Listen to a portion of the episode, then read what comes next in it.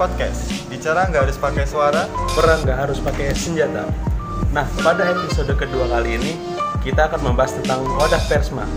Nah, eh, sebelum lanjut ke pembahasan nih, kita eh, perkenalan dulu kali ya. Boleh. Oke, dari aku sendiri, aku Mukhlis Rotul Munir Dan aku Ridho Nabawi. Nah, sekarang sudah ditemani oleh dua bintang tamu yang spesial kali ini. Ya. Dari siapa aja nih? Terima kasih mas. Ya. Siapa dulu nih? Sini ada aku, Alvanza, eh, dan di sini ada Saya Renaldi Fajar. Nah, di sini kami diundang nih dari teman-teman Pabelan untuk ngisi podcast, Ya, Podcast. Pabelan podcast. Nah, tentang wadah PPMI. Gimana nih mas? Sebelumnya, eh, Mas Wanja sekarang lagi sibuk apa nih? Kalau aku ya sibuk di LPM ku sendiri. Kurang lebih itu sih lagi banyak agenda kan. Sekarang udah di akhir tahun. Akhir tahun biasanya mulai pergantian-pergantiannya kayak gitu. Kalau Mas Wanja sendiri? Ya sama seperti Mas Panza gitu. Berangkat dari LPM ya ma- masih ada banyak sekali kesibukan di LPM saya gitu. Oh iya iya iya. Nah. Eh, Kebetulan di sini kami sebagai bintang tamu diundang sebagai apa nih? Nah, Sebagai peserta LPM itu tadi atau yang lain nih? Eh, Oke, kalau eh, sesuai dengan tema kita kali ini, ini kita mau bahas tentang eh, wadah besar atau wadah dari PPM, wadah dari pers mahasiswa itu sendiri nih, yaitu sering kita sebut sebagai PPMI. Nah, kebetulan kan denger-denger nih, kita nggak tahu bener apa enggak. Nah, ini dari eh, mas-masnya ini itu dari PPMI. Gitu. Nah, bisa dijelaskan sedikit tentang eh, posisinya seperti itu. Ya, Kalau dari aku sendiri, Vanza di tahun 2021 awal tahun itu berangkat dari Muskot dan akhirnya terbentuknya PPMI yang baru di Dewan Kota Solo, saya diamanai sebagai Biro Umum. Kalau Mas Fajar? Eh, kalau dari saya eh, di PPMI DK Solo sebagai BP Jakar gitu. Itu. Nah, eh, berarti sama-sama pengurus PPMI juga ya? Iya. Kedua-duanya. Ya belum sah sebenarnya. Cuma kemarin itu pasca Muskot terbentuk apa ya bisa dikatakan formatur ya. Formatur, Nah, lobbying. Ya dari dari proses lobbying Muskot itu. Gitu. Gimana? Eh, mungkin bisa langsung kita bahas saja ya tentang tema kita kali ini. Nah, Oh. eh, bisa dijelaskan mungkin tentang eh, apa sih sebenarnya yang menjadi wadah dari Persma itu sendiri? Oh. Dari siapa dulu nih? Aku singkat aja deh. Oh ya, Jadi silakan. kan kalau dari Persma atau teman-teman LPM namanya kan Pers mahasiswa. Nah, di situ Persma punya wadah namanya PPMI. Dan wadah itu digunakan kalau di awal sesuai dengan histori sejarahnya di awal Persma terbentuk wadah itu terbentuk PPMI untuk wadah saling memperjuangkan hak pada masa itu. Jadi karena ideologi dari PPM itu sendiri adalah perjuangan. Tapi kalau sekarang mungkin lebih relevannya biar bisa dijelasin sama Mas Fajar. Oh, iya, gimana tuh Mas? Mungkin kalau bicara tentang wadah pers mahasiswa ya, Iya. eh, di Indonesia sendiri ada PPMI gitu. Mungkin eh, mungkin untuk tingkatan kota ada masing-masingnya. Kalau di PPMI itu ada dewan kota.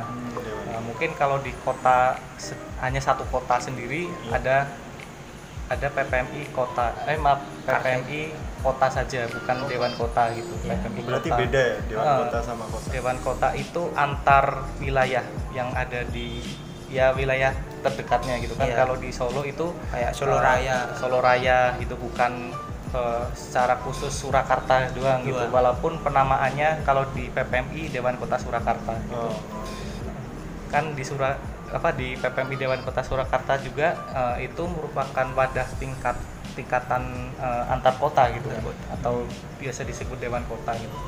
Eh, ada yang dari Sukoharjo, ada yang dari Klaten gitu, Oh, ada dari kota Solo. Singkatnya kalau Dewan Kota itu kumpulan dari beberapa kabupaten atau kota gitu. Iya, kumpulan dari kabupaten atau kota. Kalau di Jogja sendiri kan ada Yogyakarta itu kan tingkatan provinsi. provinsi Iya, maksudnya provinsi. Iya, maksudnya provinsi. ada Sleman dan lain-lainnya Di kan. Bali pun Dewan Kota Bali. Ih, iya Dewan Kota Bali itu kan terdapat dari beberapa kabupaten juga. Eh, tadi mungkin disinggung sedikit tentang sejarah ya. Nah, gimana tuh sejarahnya kok bisa terbentuk PPMI? itu? nah ini biar bisa dijelasin sama Mas Fajar nih ahli sejarah BPMI Enggak ada, cuma suka baca doang gitu. Nah.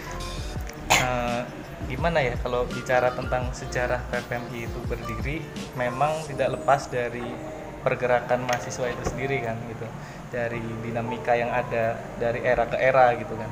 Em, dari sebelum PPMI itu ada yang namanya wadah PP wadah pers mahasiswa tingkat nasional yaitu IPMI yaitu kepanjangan dari Ikatan Pers Mahasiswa Indonesia Eh, perjalanannya IPMI itu pun lumayan rumit gitu.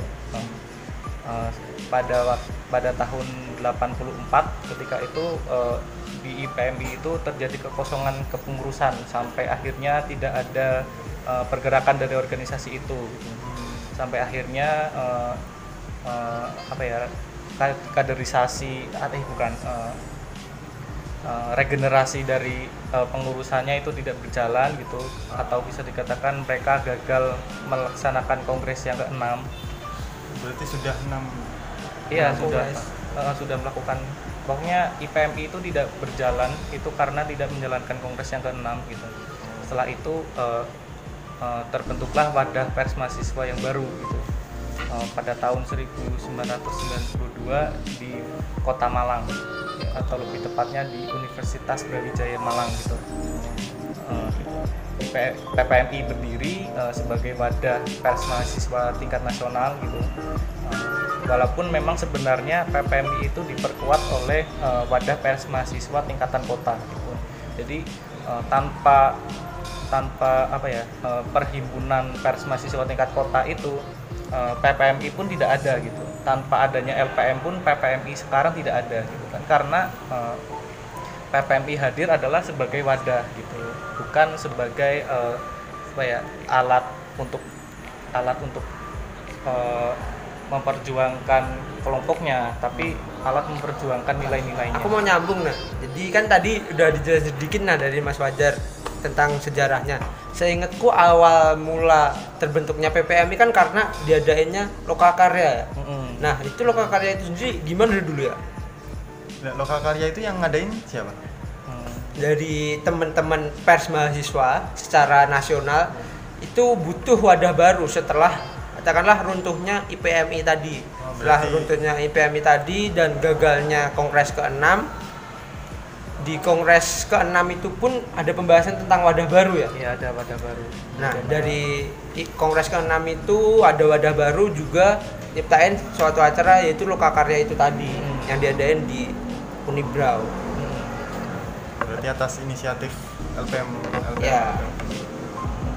Ketika lokal karya itu tadi pun sebelumnya dari kota Jogja dari provinsi Jogja atau di Yogyakarta ada PPMY. Nah, dari situ mereka makin menginisiasi, makin gencar untuk membentuk wadah baru. Dari situ teman-teman ketika lokal karya pembahasan-pembahasannya juga eh, akhirnya mengarah ke pembahasan tentang wadah baru itu sendiri mulai dari ADART-nya mungkin yang meneruskan PPMI atau bagaimana dan apa-apa hal-hal apa aja yang perlu diperjuangkan oleh PPMI bahkan ketika pembahasan nama wadah baru itu pun terjadi cukup rumit gitu. Kenapa itu? Hmm, pemberian istilah penerbitan ya, atau penerbitan pers, atau Oh. pers tadi. Berarti jadi apa ya? Heeh, jadi eh, awal mula berdirinya PPMI itu kan mereka kebingungan mengenai legalitas organisasinya itu mau diakui oleh pemerintah atau tidak. Eh, jadi pada waktu itu eh, ada eh, Dirjen pembinaan pers dan grafika di mana eh, PPMI itu ingin eh, menjadi eh, terlibat ya terlibat dalam eh, atau di bawah dinamika pers utama Iya, pers dinamika arus pers utama, utama, arus utama pada saat itu. Jadi mereka ingin eh, menjadi ingin diakui juga Iya, gitu ingin diakui sebagai secara legalitasnya gitu, secara oleh legal pemerintah. gitu. Eh, oleh karena itu mereka eh, menginisiatif atau menginisiasi dengan istilah nama penerbitan gitu. Karena memang pada waktu itu eh, kalau tidak salah eh, muncul surat surat keputusan atau keputusan menteri menteri penerangan pada saat itu yaitu yang membedakan eh, istilah pers umum dan pers khusus gitu. Nah, pers umum itu ya pers arus utama dan pers khusus itu untuk pers mahasiswa. Mahasiswa. gitu. jadi bedakan Eh, jadi eh, pemberian istilah untuk pers khusus itu tidak eh, spesifik untuk pers mahasiswa, namun untuk pemberian istilah sebagai penerbitan mahasiswa gitu. berarti nggak cuma pers mahasiswa aja Mm-mm. dan ya eh, pada saat itu eh, apa ya program NKK BKK atau normalisasi kehidupan kampus birokrasi kehidupan kampus pun eh, turut menyumbang pers mahasiswa.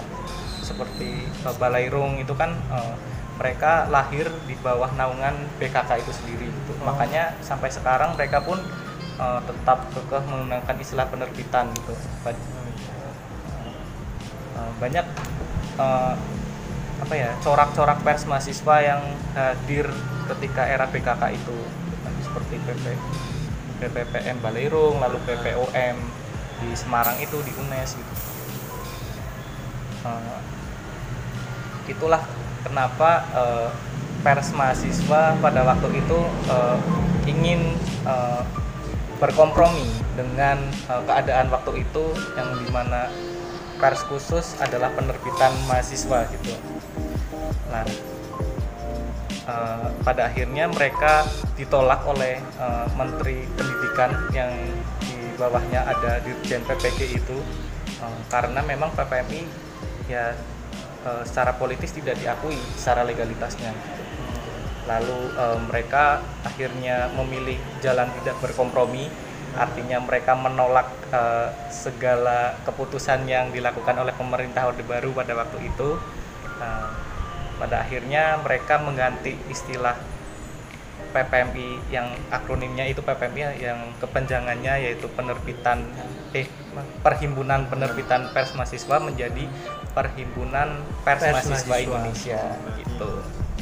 Jadi eh, mereka akhirnya mengganti istilah penerbitan menjadi pers, ya mereka akhirnya menolak berkompromi dengan pemerintah. Gitu. Jadi mereka akhirnya ya tetap menjalankan idealismenya sebagai pers pers mahasiswa sebagai alat kontrol sosial. kontrol sosial sebagai media alternatif ya, gitu. Lebih tepatnya ya mereka memang eh, menjalankan nilai-nilai kemanusiaan gitu. Melihat realitas yang ada di masyarakat pada saat pada saat itu. Ya, gitu. Itu. terlepas dari itu semua tadi akhirnya wadah PPM itu pun sampai sekarang dari sejarah tadi jadi wadah berjejaring gitu. Karena ada moto berjejaring untuk saling menguatkan. Itu tadi.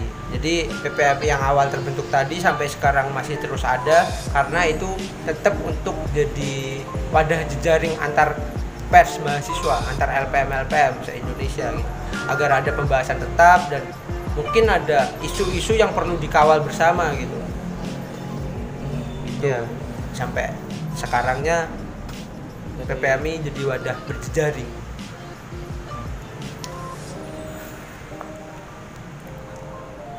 Jadi kurang lebih kayak gitu ya sejarahnya yang panjang itu eh, dari peran PPMI sendiri pada Persma itu kayak apa terhadap LPM? Eh, wadah persma terhadap terhadap LPM ya. Iya. Eh, maaf, wadah PPM gimana? PPMI terhadap LPM Iya. maksudnya gimana tuh peran PPMI ke LPM kan Iya, betul. Ya, siapa nih ya kamu Mas Fajar mah sebenarnya eh, PPMI lahirkan atas keinginan pers mahasiswa itu membentuk wadah secara nasional gitu kan nah, nah, oleh karena itu ya PPMI ada ya karena LPM karena pers mahasiswa gitu.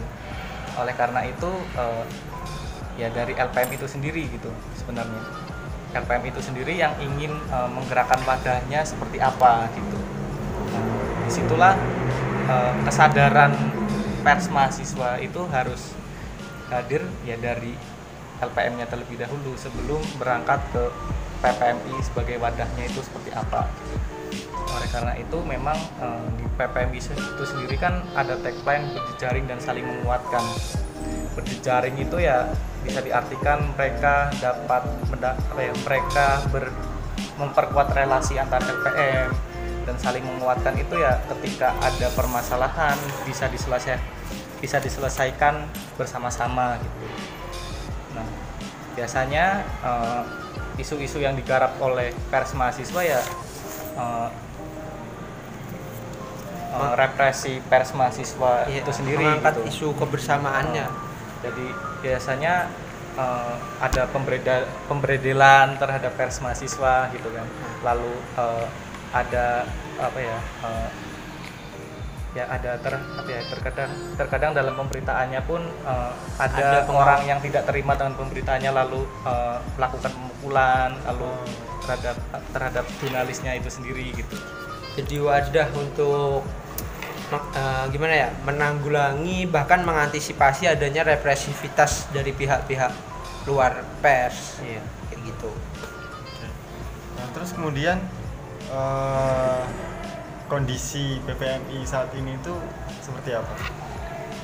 Mungkin kalau bicara kondisi PPMI itu sangat berbeda ya ketika era Orde Baru dan era Reformasi. Eh, iya. kondisi ketika penjabaran tentang sejarah tadi dan kondisi saat ini udah Sudah sangat berbeda. udah sangat berbeda gitu Mungkin eh, pen- apa ya pengurus PPMI sebelumnya pun mereka mengatakan bahwa generasi kita generasi anakronis gitu ya. eh, Gitu. Bisa dikatakan kita itu sudah sangat berbeda dengan generasi sebelumnya. sebelumnya. Gitu. Di mana generasi sebelumnya itu eh, mungkin mereka punya kesadaran politik politik sementara di generasi kita kita terlalu fokus kepada teknis teknis kita sebagai jurnalis. Jurnalis. Nah itu yang sebenarnya menjadi kritik untuk kita sendiri sebenarnya otokritik untuk kita sendiri untuk menyadarkan kesadaran politik kita gitu. Agar memang eh, generasi kita pun tidak menjadi tabu politik gitu. Nah peran sejarah itu pun akhirnya membuat kita tidak ahistoris gitu kan. Kita tidak eh, eh, melupakan sejarah juga. Lalu kita tidak dapat eh, melupakan sejarah itu dari sudut pandang perjuangannya seperti apa gitu.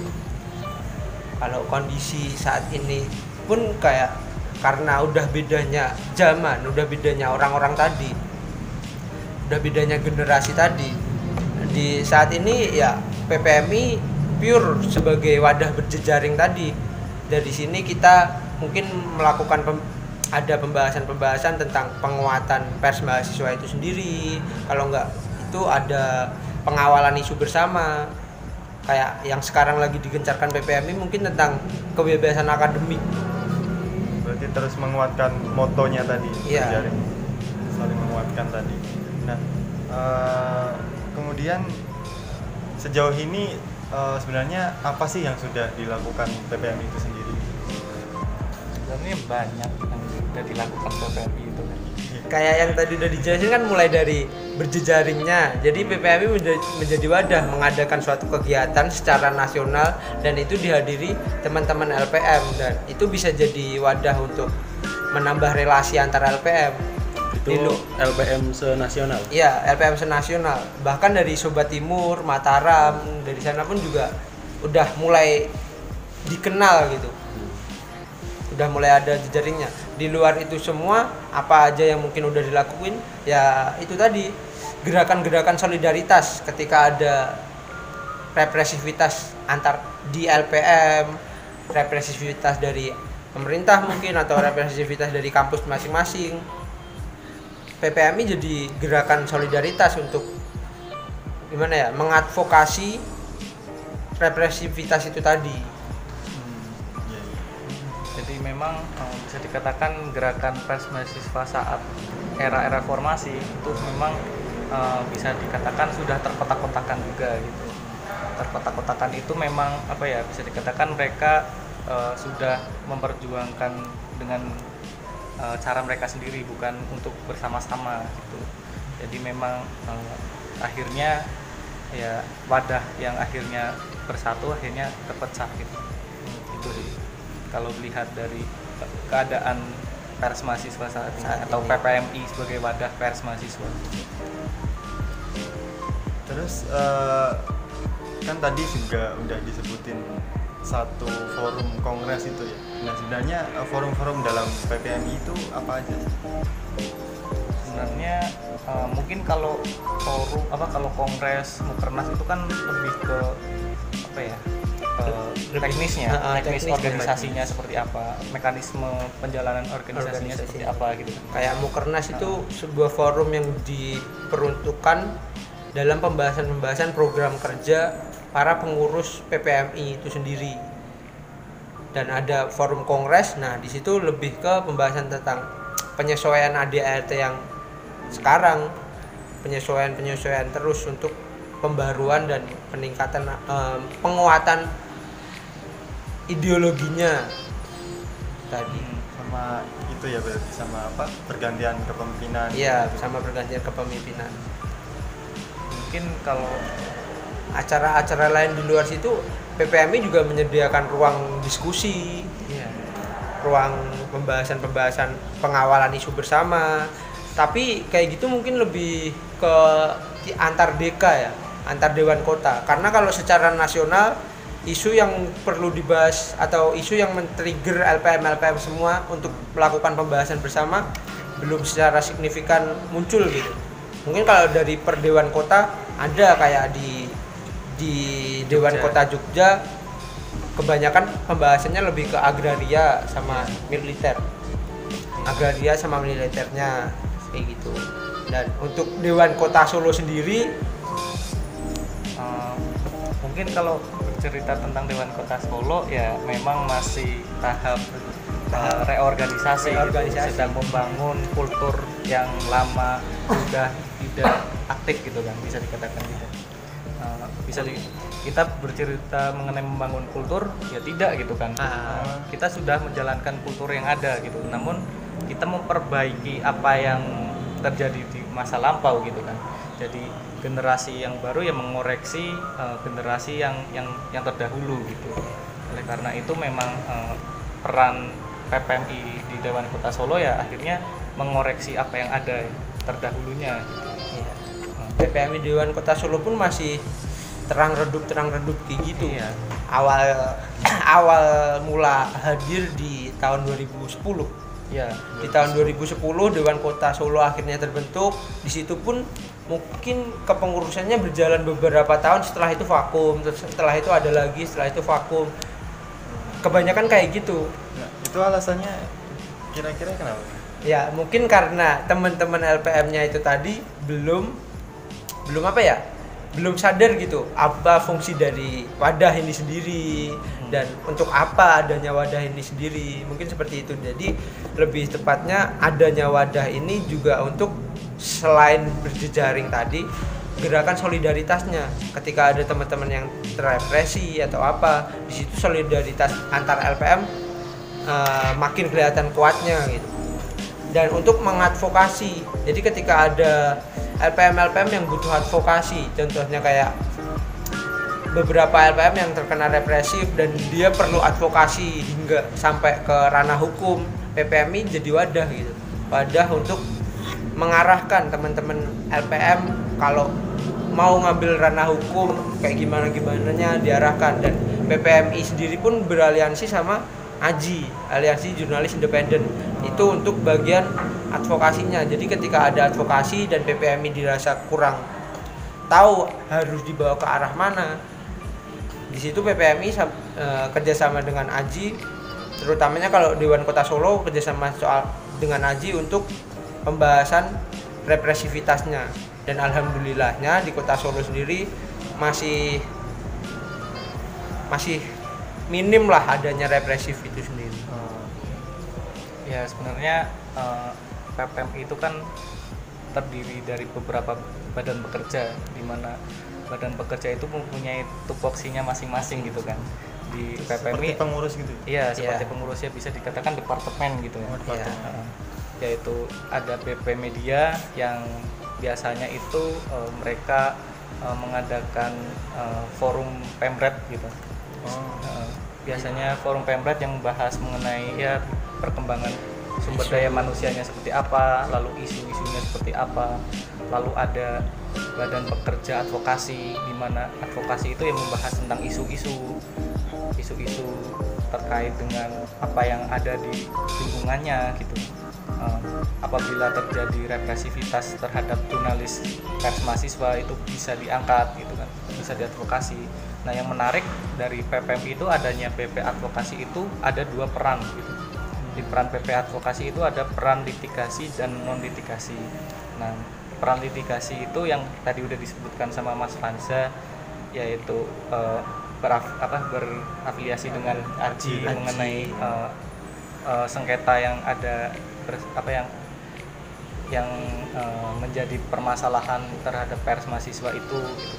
lalu eh, kalau non litigasi itu eh, kita eh, lebih ke menyuarakan isu-isu itu eh, kepada teman-teman pers mahasiswa yang ada gitu kan bisa dikatakan menggaungkan isu itu menjadi isu yang yang bisa dikatakan menjadi permasalahan bersama gitu. Nah, non litigasi inilah yang akhirnya mereka bisa eh, mengangkat isu itu menjadi gerakan menjadi gerakan gitu. Eh, biasanya non litigasi itu kita eh, menuntut apa eh, sorry menyuarakan menyuarakan isu itu. Biasanya eh, kalau di Jogja itu aksi non litigasi mereka turun ke jalan, mereka demo, mereka men- eh, dia turun ke jalan aksi eh, membentangkan poster ya seperti yang terjadi pada tahun 2018 salah satu eh, anggota pers mahasiswa itu eh, eh, eh, ikut demo lalu eh, dia ditangkap polisi lalu dipenjara. Oh. Berarti gitu. Eh, salah satunya itu. Ya aksi non litigasi itu ya turun ke jalan eh, demo gitu. Menyuarakan menyuarakan aksinya gitu. itu. Non litigasi tadi yang udah disebutkan Mas Kansa eh, eh, bisa bekerja sama dengan LBH juga Iya, LBH.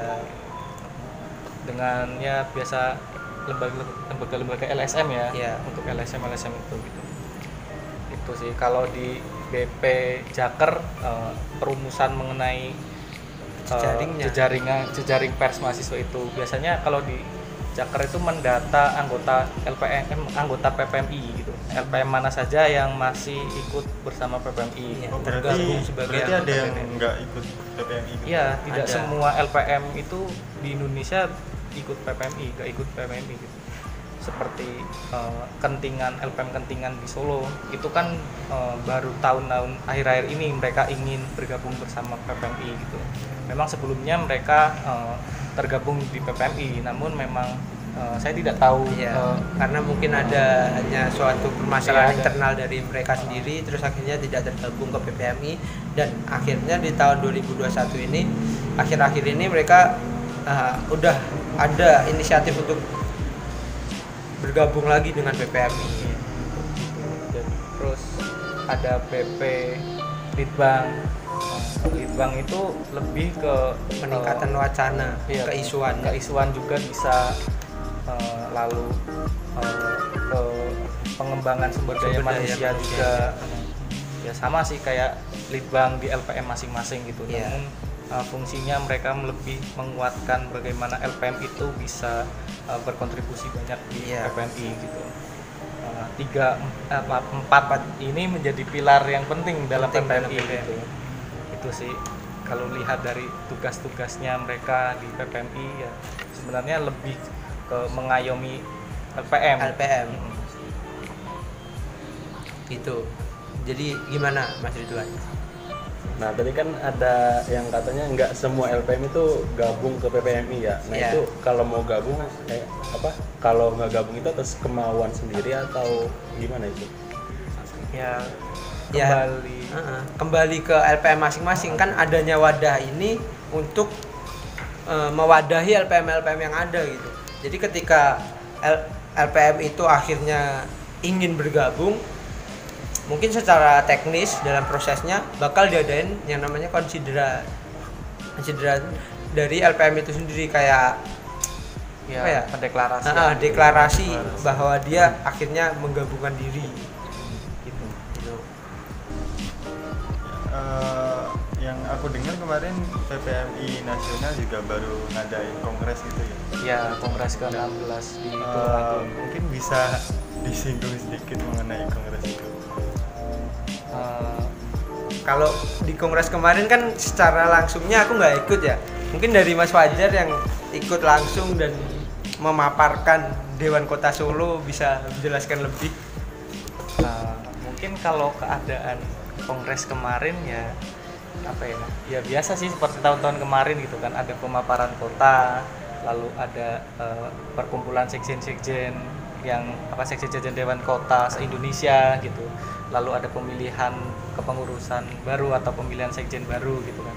Eh, di- lalu ada pendemisione pendemisioneran pengurus PPMI yang sebelumnya gitu kan.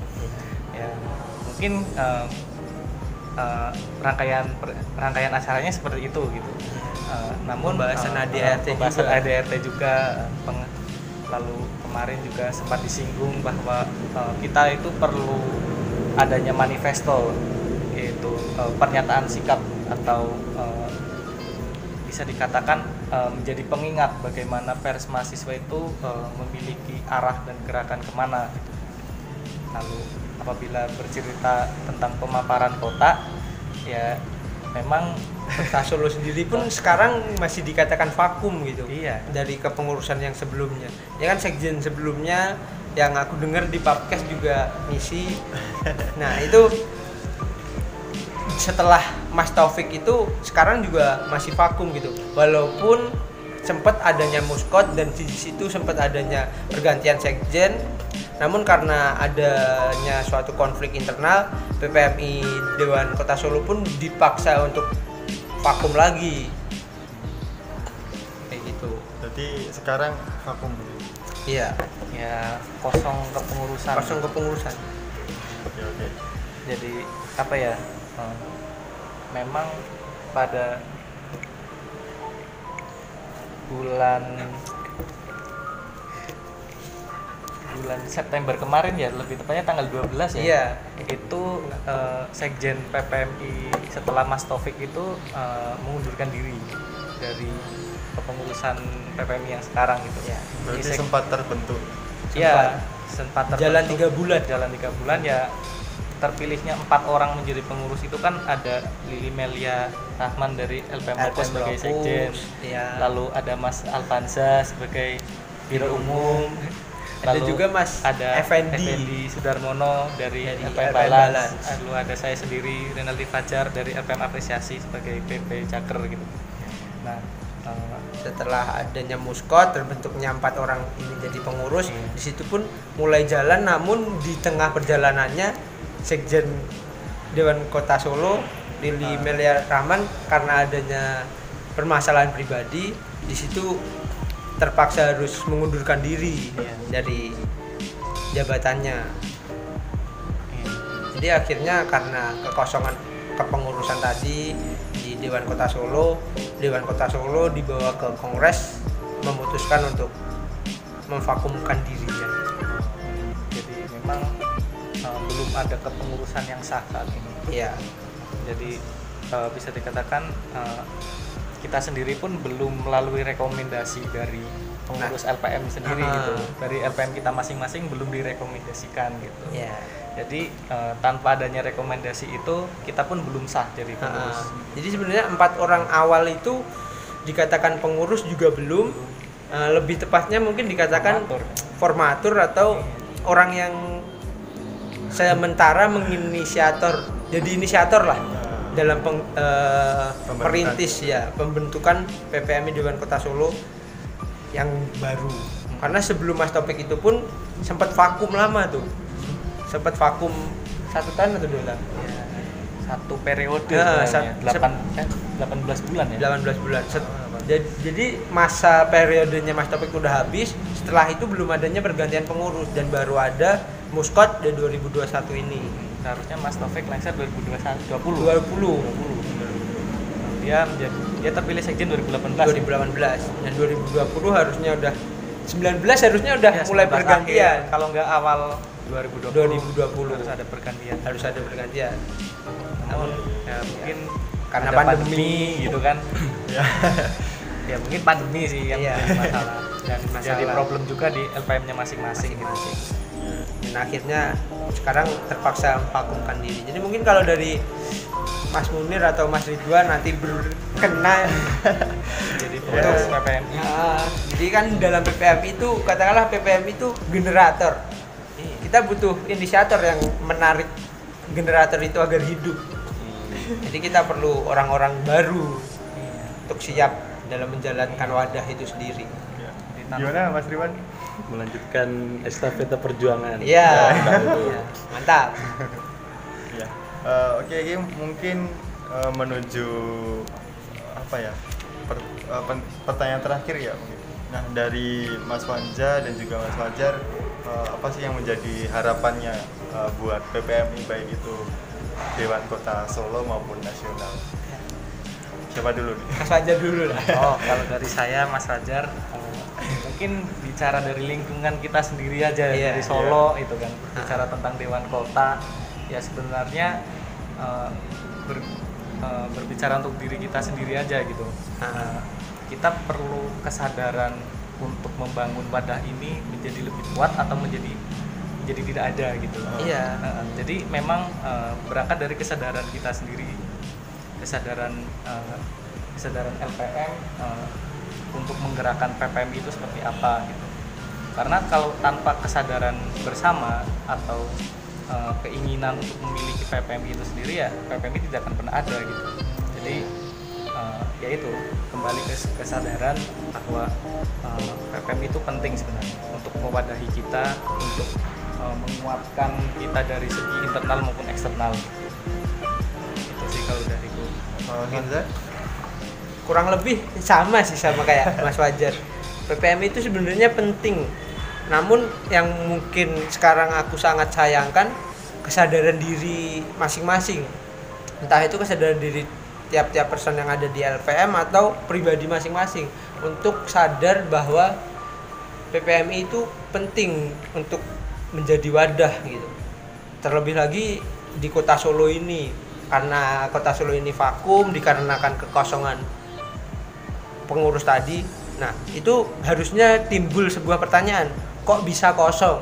Padahal dalam kota Solo itu sendiri pun ada sekitar ada 27 LPM yang Tergabung. jadi anggota PPMI. Iya tergabung dalam PPMI dan di luar PPMI pun di Solo Raya masuk ke Wonogiri, masuk ke Boyolali dan mana-mana ada sekitar 40-an LPM sebenarnya. sempat menjadi anggota PPMI Kota sempat Solo. jadi PPMI Dewan Kota Solo dan sekarang yang udah tergabung sebagai PPMI Dewan Kota Solo ada 20-an LPM tadi gimana kita bisa bersolidaritas untuk membangun untuk meneruskan estafet perjuangan tadi? Jadi balik ke kesadaran diri sih. Kalau kita butuh PPMI kita harus sadar dan kita harus siap gitu untuk melanjutkan. Seperti apa wadah pers mahasiswa tingkat kota? Ya seperti apa?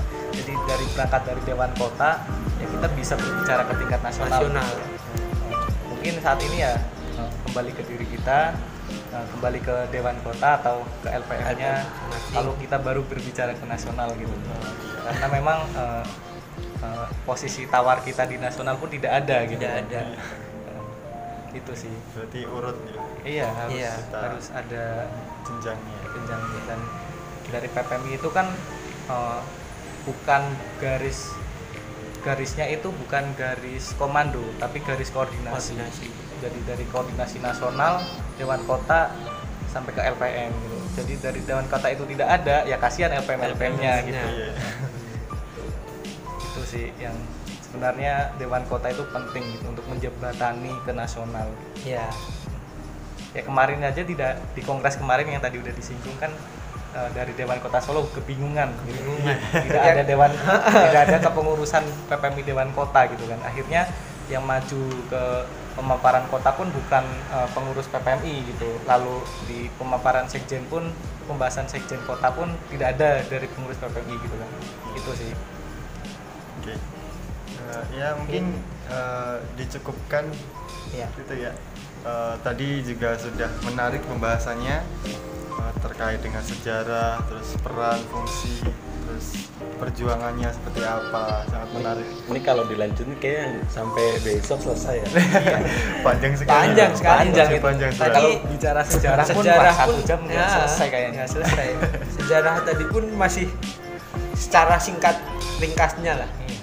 Mungkin bisa didiskusikan bersama-sama lagi Iya, ya, dalam waktu Yang akan dan itu datang. juga bisa jadi awal mula kesadaran diri kita gitu sebelum kita makin masuk atau makin mendalami PPMI kita harus berkaca dari sejarah kita harus tahu dulu sejarahnya kayak gimana Sebagai bahan refleksi. Iya.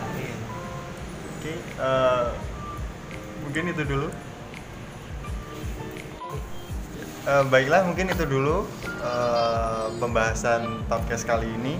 Tetap eh, stay tune di eh, akun kita ya, podcast. Nanti bakal ada episode-episode selanjutnya. Sebelumnya makasih dulu nih buat Mas Fanza sama Mas Fajar yang udah ngisi ya podcast pada episode kali ini. sama-sama terima kasih kembali kasih telah diundang di Iya. podcast Ya. Pembahasan seperti ini sebenarnya menarik. Ya semoga nanti bisa eh, terus eh, seperti ap- slogan tadi ya, moto tadi terus berjejaring dan saling menguatkan. Sekian podcast pada episode kali ini. Bicara nggak harus pakai suara. Perang nggak harus pakai senjata. Salam pers mahasiswa.